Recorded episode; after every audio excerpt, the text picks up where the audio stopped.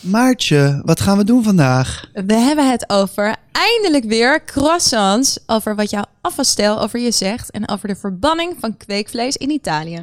Kweekvlees, wat een vieze term is dat toch? Gelukkig gaan we iets veel lekkerders proeven. Namelijk TikTok snacks met caviar. Lekker.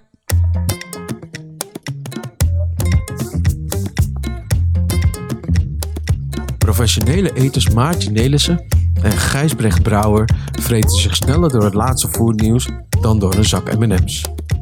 In Backlekker de podcast delen ze om de week wat hun smaakte, verbaasde en irriteerde. De lekkerste ontdekkingen, licht verteerbare eetweetjes en verse trends. De foodpodcast voor iedereen die beter kan eten dan koken. Oh, Gijsbrecht, ik heb echt zo gênant veel gegeten de laatste weken. Ja, what else is new? Ehm, maar oké, ga je nu twaalf dingen vertellen of heb je gewoon één dingetje voor je eigen Nee, ik nieuws? dacht, ik zal me echt inhouden. Oké. Ehm, maar ik was dus op een tweedaagse zakelijke inspiratietrip. En met, Dat is één ding. ja, met de Experience Club. En toen zijn we echt in twee dagen tijd, ik denk bij acht horecatenten geweest. En daarna was ik een soort van halfochtend thuis. En toen ging ik dus die drie dagen naar Antwerpen, weet je wel. Twee met mijn, dingen. Ja. met mijn vriendinnen in een trouwens het eerste plantaardige hotel van België. En ik dacht echt, ik ben uitgegeten. Ik wil niet meer, ik kan niet meer. Ken je dat? ja, zeker. Maar eigenlijk ook weer niet. En toen heeft dat denk ik echt anderhalf uur geduurd. Want op een gegeven moment moest ik ook nog Tot langs het tv was. koffiefestival. Oké, is drie dingen. Ja, nou, en ik zal daar even bij houden. Eh, want jij denkt natuurlijk, oké, ik heb hele spannende koffie gedronken. Maar ik Nee. ging naar het koffiefestival voor Oatly. Je weet wel, van de havermelk. Ja, sponsor van Plant Forward. nou, wat lekker dat jij die noemt. Top. Eh, want op Plant Forward hebben we een super vette innovatie. Daar doen zij voor de allereerste keer hebben ze soft serve van Maarten, de handjes gaan nu heen en weer. Zo. Ja, ik wil het zo helemaal nadoen, inderdaad. Maar je kent wel die soft serve, toch? Ja. Dat eh, had je vroeger gewoon in, de, in iedere snackbar. Ik weet eigenlijk niet of dat nog steeds zo is. Ja, ja, ik moet altijd Bij denken... Ikea? Ja, ik moet bij Softice altijd denken, was gewoon het eerste wat ik van mijn eigen centjes kon betalen bij de McDonald's. Was het goedkoopste gerechtje bij de McDonald's. Was één kwartje of twee kwartjes nog in de gulden tijd. Dus jarenlang keek ik daar dan de hele week naar uit. Dat ik dat zelf dan met mijn gespaarde zakgeld kon kopen. Nou, weet je dat ik als kind die soft ijsjes volgens mij niet eens onwijs kon waarderen. Maar ik vind het dus inmiddels heeft het zo'n comeback gemaakt. En is dat ijs zelf zoveel lekkerder geworden. En die toppings zijn dan heel lekker. Maar ik was dus heel benieuwd naar die van Oatly. Want ik dacht met haver, ja, op basis van haver. Ik dacht, het wordt en, En- wat minder en- wit. Dus qua kleur misschien minder Oh. aantrekkelijk. En qua structuur leek het me heel moeilijk. Zo lekker. Was echt niet te doen. Hey, en was het, ehm, was het gewoon wit, zeg maar? Of zaten er twee swirls doorheen? Nee. Of gooiden ze, maakten ze sundae ijs ervan? Gooiden ze nog dingetjes bovenop? Ja, het was gewoon één swirl. Het was best wel roomwit. En dan eh, met, volgens mij zat er een soort van brownie en stroopwafel topping op. Dus dat je toch een beetje die crunch nog erin hebt op dat hele zachte romige ijs. Oh, het was echt dat ik dacht dat dit nu ook plantaardig kan. Dat vond ik echt de bom. Ja. Nou, dat klinkt geweldig. Mijn, Ja. mijn eetnieuws... ehm, je weet dat ik best wel gek ben op eten überhaupt, maar zeker ook Portugese eten. Vorig Ja. jaar ben ik eh, met Eduardo, een vriend van mij, een Rotterdams Portugese vriend van mij, naar Portugal geweest. En ehm, toen heeft hij mij echt meegenomen naar allerlei zaakjes staan om te eten, zo net buiten Lissabon, ook in Lissabon zelf. En ehm, Ik ga, sorry, ik ga zo lekker op deze naam. Eduardo, ik heb hier zo'n beeld bij. Ja, nou, ik denk dat het wel klopt. Want Eduardo is wel echt Eduardo. Weet je, is gewoon een, een stoere Portugese man. Eh, grote bril heeft hij altijd op. Hij is aannemer. Hij, heeft, hij, hij bouwt ook zijn eigen huis in Portugal. En Oeh. hij houdt heel erg van lekker Portugees eten. Heeft in het verleden heeft hij zelfs nog Portugese wijn geïmporteerd naar, Oh. naar Nederland. Dus, nou, anyway, in Portugal eet je dus, heb je heel veel plekken waar je, waar je seafood eet. Hè? Ja. Dus, eh, En dan eet je gewoon, weet ik wat, begin je met inktvis en dan met een krabbetje, dit, dat. Dus eet je allemaal die lekkere verse ingrediënten uit de Portugese zee. Ja? En dan eindigen ze altijd met hetzelfde. Wat, wat dan? Met een broodje vlees. En dan kan met varkensvlees, maar vaker met, met rundvlees. En dat heet dan een prego. Dat is gewoon een plat Oh. broodje. En heel mooi zo aan twee kanten heel kort Ja. aangegrild rundvlees erin. Nergens in Nederland te krijgen. Dus Oh. Eduardo is zo fan ervan dat als hij in Portugal geweest is, dan laat hij er een paar in zilverfolie in pakken. En dan neemt hij dat dus mee naar Nederland om het hier nog te kunnen eten. Oh, wat een held. Er zijn zoveel mensen die dit doen, hè? Ik heb een ex-Iraanse schoonmoeder, toch? Die nam zelfs yoghurt mee uit Iran, weet je wel? Dat je denkt, hoe Het is krijg nooit je het beter mee? dan thuis. Maar Nee. goed nieuws voor Eduardo. Ik was aan het eten bij een nieuwe zaak in Rotterdam. Die overigens ook een vestiging in Amsterdam heet, heeft. En die heet Portugalia. Je hoort het al in de naam, Tasca. En Tasca is eigenlijk gewoon een restaurantje of zo. Oh of ja, ja. op zijn Portugees. En ik zat daar te eten en ik had weer mijn hele tafel met seafood laten volzetten. En op een gegeven moment komt die, die eigenaar een praatje maken. Die zag dat we plezier hadden. En ineens bedacht ik me dat broodje. Dus ik Broodje zeg tegen vlees. hem, ik zeg, heb je ook dat... En ik ging het opschrijven, ik was vergeten dat Prego heeft. En hij loopt meteen weg. Ik denk, huh? En vijf minuten later zet hij dus dat broodje op mijn tafel Oh. Neer. Dus ik dat broodje eet. Nou, het was echt, echt bijna zo goed als in Portugal. Dus eh, nice. nu moet ik gauw met Eduardo naar Portugalia Tasca toe. Oh, klinkt goed. Hey, lieve luisteraars, dankjewel weer dat je luistert. Wij zijn achter iets gekomen wat we echt, eh, wat ons op een hele leuke manier verraste. Ja, de meeste van jullie vaste eh, luisteraars, ik wou zeggen kijkers, want we, geheimtje, we nemen ook video op. Ik hoop dat het lukt. De meeste van jullie vaste luisteraars, die komen dus uit Den Haag. Ja, Dat is echt bizar. Dus niet uit Rotterdam. Amsterdam, niet Utrecht, maar wel uit Den Haag. Dus wij zijn natuurlijk heel blij met jullie. Ehm, dus laat ons even weten. Als stel dat we daar nou een keertje heen gaan, eh, waar moeten we dan precies heen? ja, we komen heel graag binnenkort kort naar de Hofstad. Even jullie stad leeg eten, misschien met jullie meeten. Eh, laat het ons weten. En we beginnen nog even, voordat we starten met Foodnieuws, met een reactie van een van onze vaste luisteraars. En dat is Jong, eigenaar van de Foodhallen. En eh, hij heeft eigenlijk heel veel mooie horecazaken, waaronder ook klassieke bruine kroeg Café Krul. Hey Maartje en Gijsbrecht. Leuk dat ik een bijdrage mag leveren aan eh, jullie leuke podcast. Luister met heel veel plezier naar elke week in de auto. En dan maakt die saaie autorit ook een stuk interessanter en de tijd gaat een stuk sneller. Ook veel plezier, eh, met veel plezier naar jullie eh, afgelopen podcast geluisterd over de Bruine Kroeg. Ja, het is eh, helaas een fenomeen wat ja, een beetje aan het uitsterven is. Komt ook denk ik een beetje door het publiek wat er komt ja, dat het ook steeds minder wordt. De behoeften van de nieuwe doelgroepen liggen denk ik ook op andere vlakken. Die zien graag andere horeca daarvoor in de plaats komen. Maar desalniettemin denk ik dat eh, de oude bruine kroeg ja, wel blijft, maar dan toch ja, in een iets andere vorm. In een iets modernere vorm. eh, meer van deze tijd. Eh, ook meer toekomstbestendig en voor een bredere doelgroep. Maar nog steeds denk ik wel met de kenmerken van de klassieke oude bruine kroeg.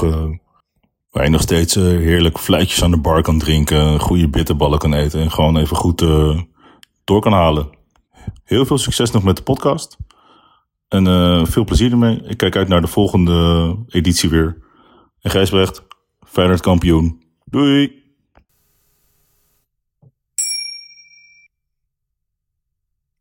Dat was vaste luisteraar en horecaondernemer Chong. En dan is het nu tijd voor... Foodnieuws. In aflevering 18 hadden wij het over viral TikTok foods. Maar weet jij wat het eerste echte virale... eh tik, of nou niet TikTok, maar gewoon überhaupt virale food was? Was nog niet eens TikTok toen. Ja, want het, dat is tien jaar geleden of zo, toch? Dat is Ja, klopt. tien jaar geleden. Ja, ik, eh, ik, ik moest op de een of andere manier meteen aan Londen denken. Want daar ben ik altijd heel veel op inspiratie, foodtrend tours geweest. En dan zie ik meteen van die regenboog bagels voor me. Oh, ja. Weet je wel, die had je daar altijd Ja. overal. Dat werd dan ook, dat was dan Die heel kwamen ook even snel als dat ze gingen. zo. En van die sushi donuts of Ja. sushi taco's. Nou, je zit wel warm inderdaad. Oh ja, die sushi tacos ook nog inderdaad. Heb ik heel veel die- ja, goed ja. Maar nee, ik heb het in dit geval, of men ziet in dit geval, wordt een beetje gezegd dat de eerste viral food was de cronuts. Oh de ja, kruising tussen natuurlijk. de donut en de croissant van Dominique Ansel, een bakker in New York. En die, die was zo populair dat hij over Instagram, wat toen net open was, net bestond, Ja. en Twitter dat er al wat lang was, heen vloog en gewoon zorgde voor rijen bij, de, ja, bij, hem, bij zijn eigen bakkerij in New York. Net zoals we nu dus met TikTok hebben, waar het aflevering 18 over Weet je wat mij heeft verbaasd trouwens? Hoe Nou? lang het heeft geduurd voor die cronut ergens in Nederland te verkrijgen was. Heel lang. Heeft heel lang geduurd, toch? Ik kon op een gegeven moment kon ik hem in Rotterdam bij eh man met bril eh, krijgen. Maar voor de rest, en hij heeft hem volgens mij nog steeds wel. Maar je Ja. ziet hem sowieso niet zoveel. Nou, ik, zie- ik zie hem wel bij regelmatig bij een beetje de hippere koffiezaak. Maar wat inderdaad heel tof was aan die kronen, die echt ook, ook op foodblogs en dat soort dingen, het ging helemaal, Helemaal los. helemaal los. En eh, sindsdien is er wel echt iets gaande met die croissant, die tot die tijd toch wel een beetje zeer gewaardeerd was, maar ook een beetje boring altijd, toch? Croissant jam croissant. was gewoon de croissant. Ehm, maar sindsdien is er veel gebeurd. Dus we hebben croissants in een wafelijzer. We hebben croissant cubes. Ja, Want ik, dus de heb ik croissant cube. in eh, Thailand. Ik heb hem bij Wils eh, een tijdje geleden gehaald. Je hebt de croissant spiraal, de croissant bagel. eh, en zelfs die croissant, de krompoes. Die echt heel lekker is. Wel echt mierzoet, maar heel lekker. Maar wat ik nu zelf het liefst zou willen proberen... is de croissant cereal uit New York. Want dan heb je zo, zeg maar, je ontbijt cereals. En dan zulke grote, Zulke mini van die dan. hele kleine croissantjes, ja, Ja. daarin. Ja, het zijn natuurlijk weer van die lekker. echte ouderwetse samentrekkingen. Hebben we het ook wel eens over gehad in onze, in onze podcast. En dan heb je dus de croisserial, hè, dus waar jij het over had. Ja. De cronut, hè, de croffle, een samentrekking tussen cronut en waffle. Oh ja. Die is vooral in Azië heel populair. De kregel, een, cronut, een, een croissant en bagel. En jij zei al, de grand pouce. Alleen die supreme heeft zijn eigen naamje gekregen. Ja. En de cube natuurlijk, die Ja, heet gewoon de, de vierkant eh, croissant.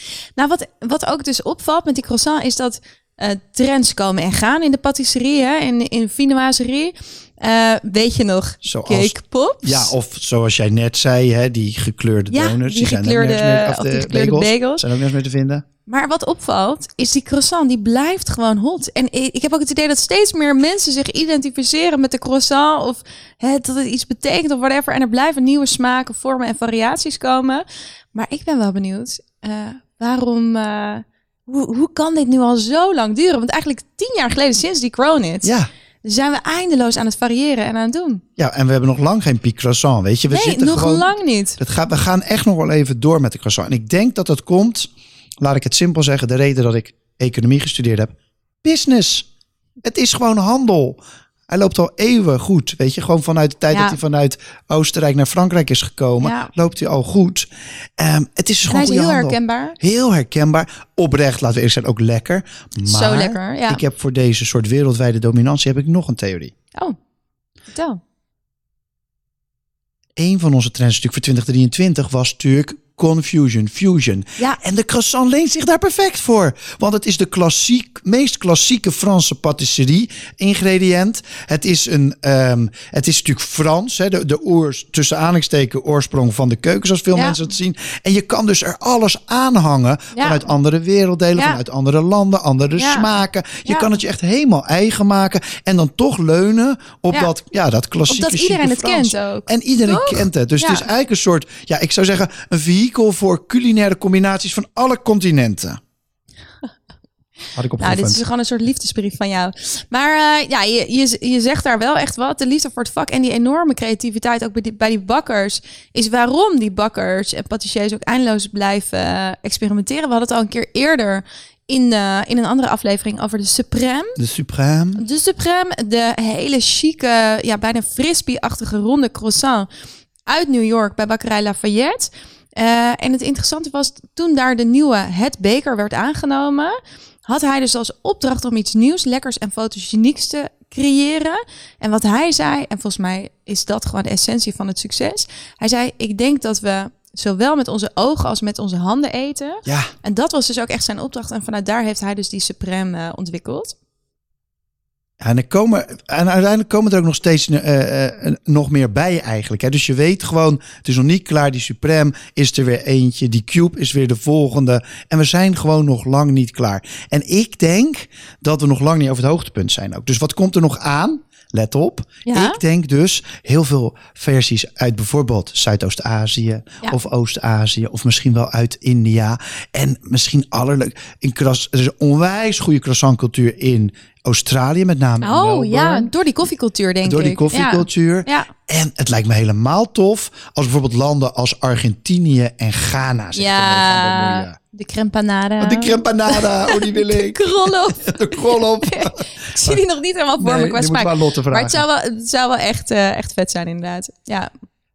Ja, en je kan er nog veel meer mee doen natuurlijk. Want je hebt, wij hebben het nu alleen maar over de vormen gehad. Ja. Maar je kan natuurlijk ook, je kan ze vullen. Je kan er saus overheen gooien. Ja. Je kan zoals jij ze graag Dippen. doen, in je, inderdaad, precies ergens ingooien. Dus laatst was ik eh, bij Wolly aan de waterkant in Rotterdam. Ja. Een nieuw tentje eh, aan het Noordplein. Echt een beetje, eh, we gooien het op de buik, zeg maar, plaatsen we het. Was het meest geliked tentje van, eh, of gepost van de, van de, de buikgeschiedenis. Oh, dus dit wauw. was nogal, nogal heftig. En daar hebben ze dus heel passend bij dit onderwerp een croissant gevuld met pistachecrème. Dat zie je dus niet als je hem koopt. Dus dan moet je hem Oh. eerst soort van open schudden. Dat zie je dus ook de hele tijd Oh, op lekker. Instagram en TikTok gebeuren. Ja, dat, dat wil je natuurlijk zien. En daar bovenop liggen een soort van roze Oh, ik wil het, ik wil het. Ja, mijn fantasie gaat ook best wel los. Maar zal ik je vertellen dat ik dus jaren geleden al met mijn eh, collega Anouk van de Foodline Up... Toen waren wij al helemaal geobsedeerd door die croissant. En we zochten natuurlijk voor catering en grote opdrachten heel vaak inspiratie op Pinterest of weet ik veel wat. En dan kwamen we elke keer vanuit één bakkerij in Australië kwamen we zo'n hele mooie croissant tegen. Met heel veel laagjes boter. En dat er in die, in die laagjes van die croissant bijvoorbeeld heel veel kleuren zaten. Of heel veel mooie Ah. toppings en ook die fillings. En toen hebben we dus een conceptje bedacht. Dat Ah, we zeiden concept. croissant neuf. Oh. Jongens, voor de luisteraars die niet opgelet hebben. Croissant neuf. Croissant neuf dachten wij. En dan dachten we, dan beginnen we echt Zet je ze dan van- ondersteboven tegen elkaar? Of? Daar hadden we nog niet over nagedacht. Hij is wel een goeie voor eh, de, de nieuwe Cube. Want straks is die ook weer een keer uit. Precies. Anyway, we hadden bedacht, dan gaan we gewoon een super exclusief croissant concept beginnen. Eh, we gaan dan ook maar negen uur per week open. Die nuf zat natuurlijk Oh, ook in die naam. ja, en dan ja, gaan ja. we het gewoon enorm hype. En dan gaan we op de raarste plekken open. Hadden we allemaal al bedacht. nou, ik ik, zou dacht, zeggen- ik zou het eigenlijk gewoon alsnog kunnen doen. Maar ja, goed. maar meteen vastleggen. Luisteraars niet meer afpikken. Krijg je met Maartje mij te doen. En Faisal gaat zich er ook mee bemoeien. Wij hebben het nu bedacht. Dit is Maartje de idee. Ehm, daarop terugkomend. Croissant is natuurlijk wel ook echt van beetje ons symbool. Hè? Of ons Ja. lekker symbool. Hij staat op onze truien. Gewoon lekker zo op, op de tiethoogte, zeg maar. Waar eh, Polo Ralph Lauren zijn, polo-rijdertje zet. En eh, daarom hebben we het natuurlijk ook weggegeven aan onze luisteraars. Die en de dames van croissant. Zeg ik dat goed? Nee, Cro- op z'n Rotterdams. croissant. Croissant. Oh, ja, dat klinkt veel leuker. Ja, Croissant uit Rotterdam. croissant. Die hebben gewonnen. Hey, hoe ruim jij je afwasmachine in? Eh, mijn vaatwasser. Sorry, ik vind dat altijd zo leuk. Het is hetzelfde als ijskast, koelkast. Ja, zeker. En dat, dat doe ik eigenlijk nauwelijks natuurlijk. Ik heb er wel één, maar ik eet toch altijd buiten de deur. Ja, oké, maar je hebt wel toch, je, je drinkt heel veel koffie, je bent verslaafd aan verse jus, je ontbijt wel eens thuis. Ja, oké, maar die staat bij mij echt weken gaat er niet aan. Soms haal ik wel eens inderdaad een kopje koffie of wat dan ook onder de kraan door. En, eh, maar echt weken niet. Maar vorige week kwam je met de airfryer. Nu kom je met de vaatwasser. Ja. Ik weet niet wat er mis is Ja. met jou, maar... eh, Nou, eh, niks. Eh, we moeten het hebben over de vaatwasser. Oh, we, we lazen namelijk een heel grappig artikel van een andere hofleverancier van Beklekker, Bon Appetit, de website. En op dat artikel stond eh, een verhaal over dat je stijl van afwassen heel veel over je persoonlijkheid zegt. Eh, dus Bon Appetit oppert, er zijn eigenlijk twee typen vaatwasmensen. Altijd twee typen mensen. Altijd twee types. En zij die koken en meteen de vaatwasser inladen. En zij die wachten tot na het koken en dan alles Ah. erin zetten. Ehm, grappig trouwens, ik ben op de Hoge Hotelschool. Toen Ja. ik eh, praktijk moest lopen in de keuken, ben ik echt gedrild op alles zo in nette bakjes om je heen. Weet je, al je keukenafval meteen. Ja, gelijk opruimen. En alles meteen naar de afwas. Ja. Nou dan, Ja. doe jij in je keuken thuis misschien ook. Nou, laten we Maar even welk kijken. type ben jij? Laten we ons even in verplaatsen. Ja. Dus mijn, ik zou zeggen, ik, ik, ik weet nog niet welk type ik ben, maar ik verplaats me even in type 1. En dat is zo'n iemand die dus direct, als die iets heeft gebruikt, het in de afwas zet. Eigenlijk net als op kantoor, weet je wel. Er ligt geen, geen blaadje op haar of Vuiltje zijn aan de lucht, kantoor is het. Het is een beetje een soort van zero inbox ook altijd. Ziet, als je zijn telefoon ziet, zie je nooit zo'n rood dingetje op zijn telefoon. Je zo'n rood bubbeltje. Eigenlijk is het een beetje een Marie Kondo. Dus alles wordt gelijk opgeborgen. Dus displayed give me a spark of joy. No, gelijk in de afwasmachine. Een opgeruimde keuken is een opgeruimd hoofd. Nou, dat is wel echt mijn credo trouwens. Maar dan verplaats Oh. ik me even in type 2. Dus eh, een soort Elsa van Frozen. Die film kijk ik toevallig ook elke week met Kleine Gijs. Let it go.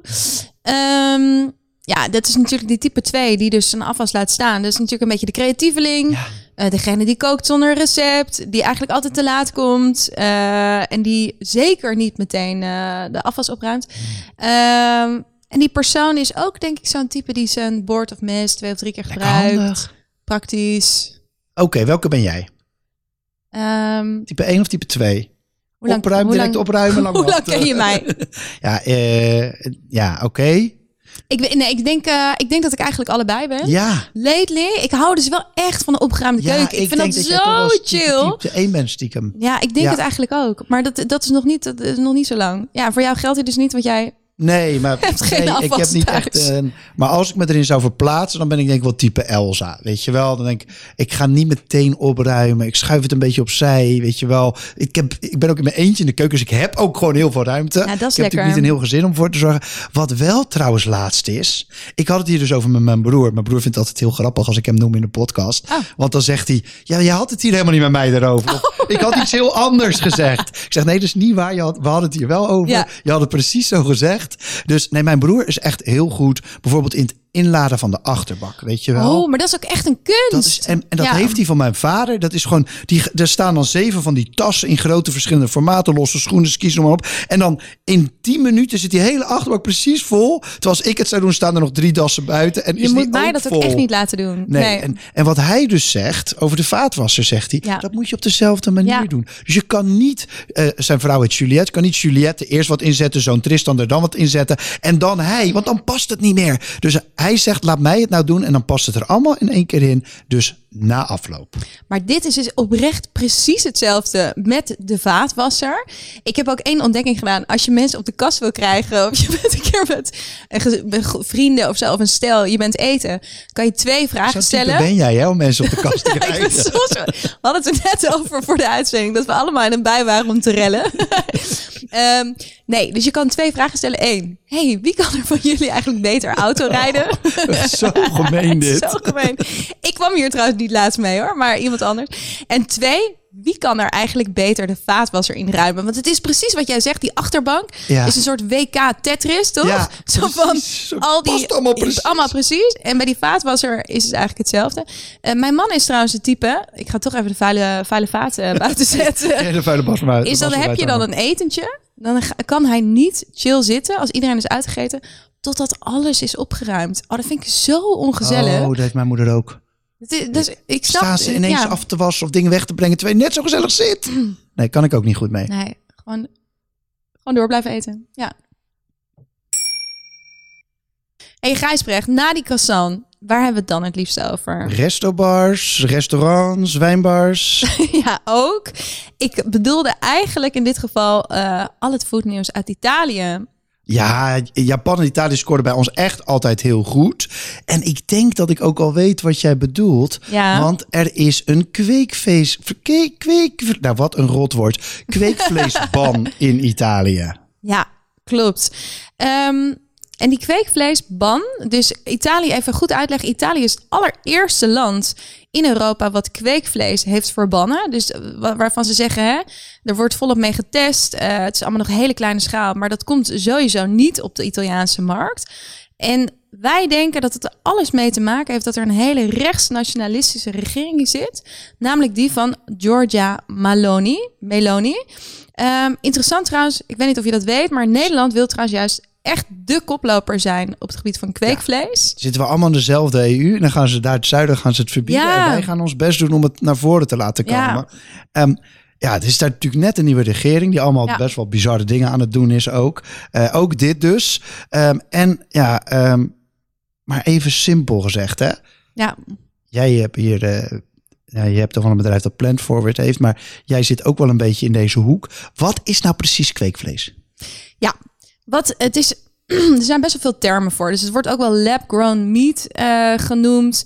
Het wordt ook wel in vitro vlees genoemd. Het wordt ook wel clean meat genoemd. In Italië had ik even op Google Translate eh, gezocht. Heet het carne coltivata. Ik vind al die Oh, woorden zo echt sexy meteen weer in het iemand Italiaans. manier aan het afnemen is. Of dat er overal schimmel op zit. Maar dat Italiaans klinkt wel goed, ja.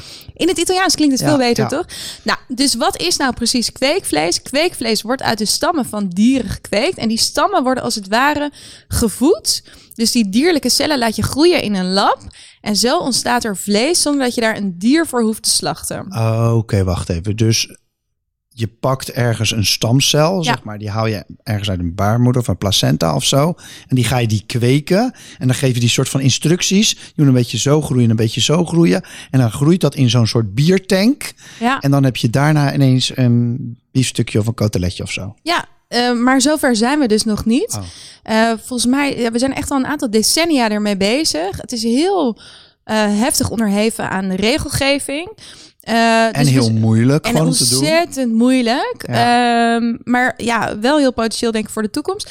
In, dus in, nu in, eh, op de wereld is het bijna alleen nog in Singapore op de markt. Daar zijn het ook voornamelijk alleen nog kleine kipstukjes. Ja, soort van het is, McNuggets. precies, het is allemaal nog op hele kleine schaal. Maar wat gebeurt er nou precies in Italië? De Italiaanse regering heeft dus een wetsvoorstel goedgekeurd dat een verbod instelt op in laboratoria geproduceerd voedsel voor menselijke consumptie en voor veevoer.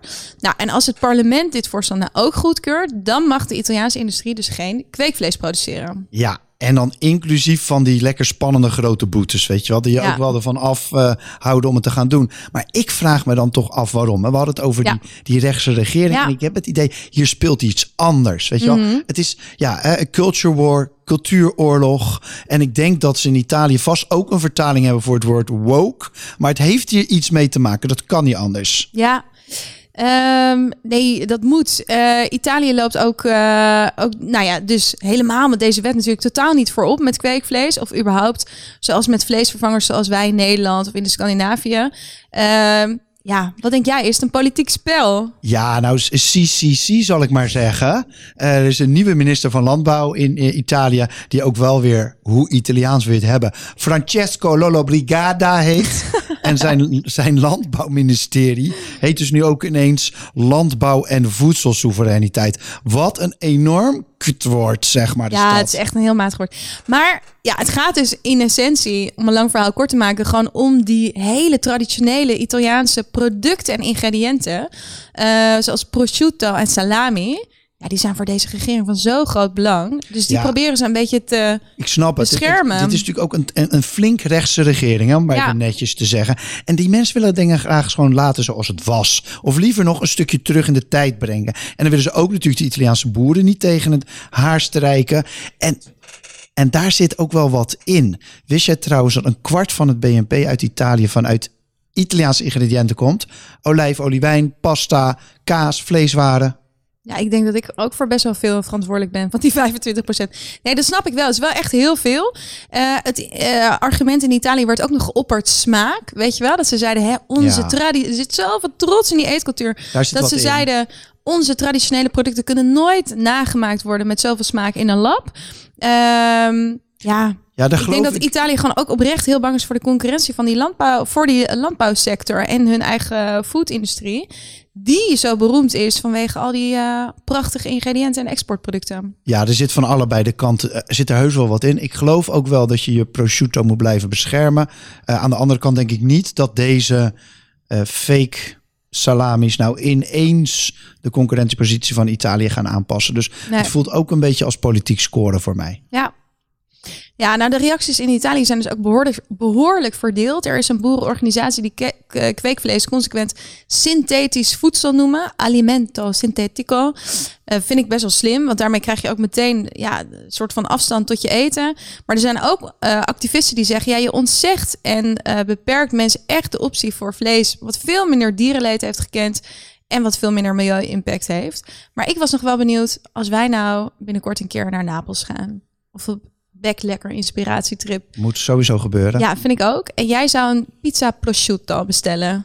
Wil je dan liever authentiek of met carne coltivata? Nou, kijk, ik, dat hangt er voor mij heel erg vanaf. Eigenlijk, ik, je, ik laat me mijn vleesje niet zo gauw ontzeggen. Maar eh, eh, dus voor alles is er een moment en een tijd, weet je. Dus als dit de mooiste Napolitaanse pizza is, met een mooi stukje prosciutto erop, graag. Als het ergens langs de snelweg is en ik wil even snel mijn mond vol stouwen, kan mij het schelen wat erop zit. Alsof al Ja. die prosciutto zo lekker is uit Italië. Dat is Ook helemaal niet zo. Nee. Dus, Nee, eens. Nou, ik ben vooral voor... Ja, kijk, die experimenten zijn nog steeds op best wel kleine schaal. Ik ben vooral voor dingen die wat houdbaarder zijn voor de aarde. Eh, maar ik ben wel benieuwd wat het allemaal gaat brengen. Kermis in je bek. Zoals altijd proeven we met kermis in je bek drie vergelijkbare producten en met een winnaar. En onze producer Faisal proeft weer mee. Gezellig. Jee. We gaan caviar snacks proeven. Ehm, even voordat we gaan proeven. Iemand, en ik noem geen namen, maar zou de caviar regelen. Dat was dus niet helemaal gelukt. Dus ben ik gisteravond na mijn werk, nog ruim na mijn werk. Dat was uur of tien, half elf. Nog bij Harry, bij Harry van Harry's Wine and Deli in Rotterdam langs gegaan. En die heeft dus ons hachje gered. Die kwam met echt een heel mooi doosje met, met caviar van, eh, hoe heet ze ook alweer? House of Caviar. En eh, wij gaan dus nu proeven. En Maartje is aan het klaarmaken. En Faisal staat al klaar. We gaan proeven. Drie snacks, beetje TikTok snacks met caviar. We pakken de croissant. Hoe kan het ook anders na deze loftuiting van ons op de croissant? Daar doen we roomboter op en caviar. We pakken de TikTok trend qua caviar van afgelopen half jaar. Namelijk Dorito met crème fraîche en caviar. En Maartje is naar Kef geweest in Amsterdam en heeft gezegd welke kaas nou het beste passen bij caviar. En wat zeiden zij? Ja, ze keken me. Oh, zijn zulke leuke mensen daar bij Kev. Maar die zaten me echt aan te kijken en die zeiden. Zoek je iets voor je catering? En ik was er heel lang niet geweest. En dat vond ik dat sowieso fantastisch dat ze het hadden onthouden. En toen ging ik een beetje uitleggen waarom we dat gingen doen. En toen zei ze, oh, wat fout eigenlijk. Maar toen zei ze, hey, we gaan meedenken wat het beste zou werken. En ze hebben een Tesselse schapenkaas voor ons uitgezocht. Die heel ziltig is. Oké, zullen we beginnen met de Dorito? Die staat al klaar. Vijs, kun jij erbij? Ja. Dit is dus de tok- TikTok-trend van pas geleden. Alle modellen deden dit en ieder, alle influencers. Dus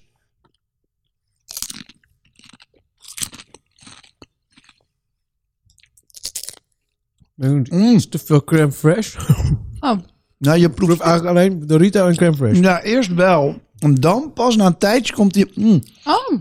Maar hij blijft wel. Aan het eind zit hij. Mm. Ja, ik weet niet of je de caviar hier heel erg nodig vond. Nee. Nee. Ik- nee, dat is het een beetje. Of je moet echt een enorme dot erop ja, gooien. nee. Nou, Laat laten we maar... zonde van de caviar. Ja, nou. Oké, oké. Dank je TikTok, dank je. Dat hebben we weer. eh, hebben wij weer. En dan gaan we naar de croissant en de caviar en de boter. Oh, ik krijg ook gelijk het allergrootste stuk. Oké, één hap. Dus we hebben croissantje met boter en een hap caviar. Mm. Mm. Oh, lekker. heerlijk. lekker. Oh, dit is echt heel lekker. Oh, ik kan nu niet meer anders. Ik wil dit echt altijd. Wow, Zo. Mm. dit Ik werkt. denk alleen wel voor dit een hele croissant heb je wel 50 gram, eh, wel 50 gram caviar nodig. Het is echt, eh, zeg maar...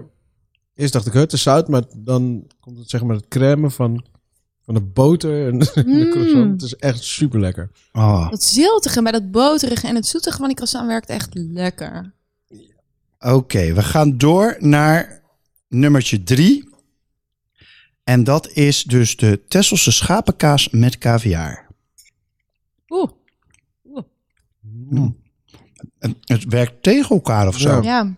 Die kaas hadden we net stiekem al best wel wat van gegeten. Dat was Het een is een soort heel van- goede kaas. Ze allebei dat hele aardse... mm. Nee, ik vind het... Nee. Oké, Ze haalden alle frisheid ook eruit. nou, jammer deze. Soms werkt het, soms werkt het niet. Maartje? Croissant caviar. croissant caviar. Eh, moi aussi. We hebben een duidelijke winnaar. De croissant met boter en caviar.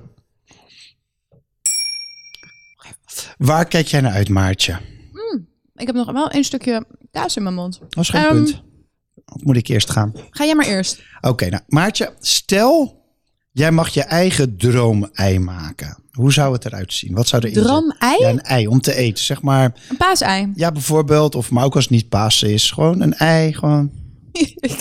Ik- weet het. Vertel. Nou, en je kan het toevallig, want ik was gisteren bij Hardy's, zoals je weet, Ja. bij Hardy's krijgen. Oh. Een ei met ei, advocaat en Oh.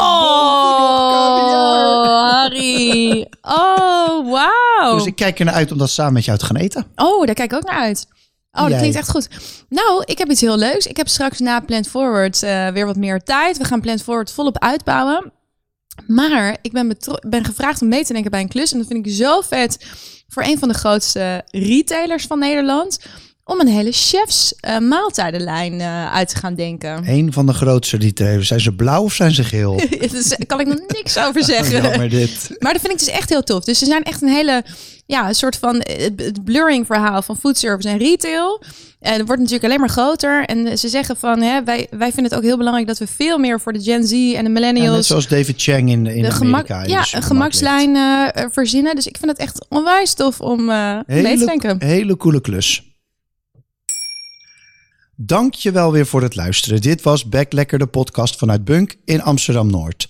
Dank aan Gold Kimono voor deze lekkere tune en aan Faisal voor de productie en voor het meeproeven. Vond jij dit een leuke podcast? Stuur hem dan door naar een van je vrienden. Echt even doen, gewoon via WhatsApp. En vergeet niet onze podcast te raten in je favoriete podcast app. Heb jij nog voetnieuws? Laat ons vooral weten via Instagram of LinkedIn. Je vindt ons als je zoekt op Back Lekker de podcast.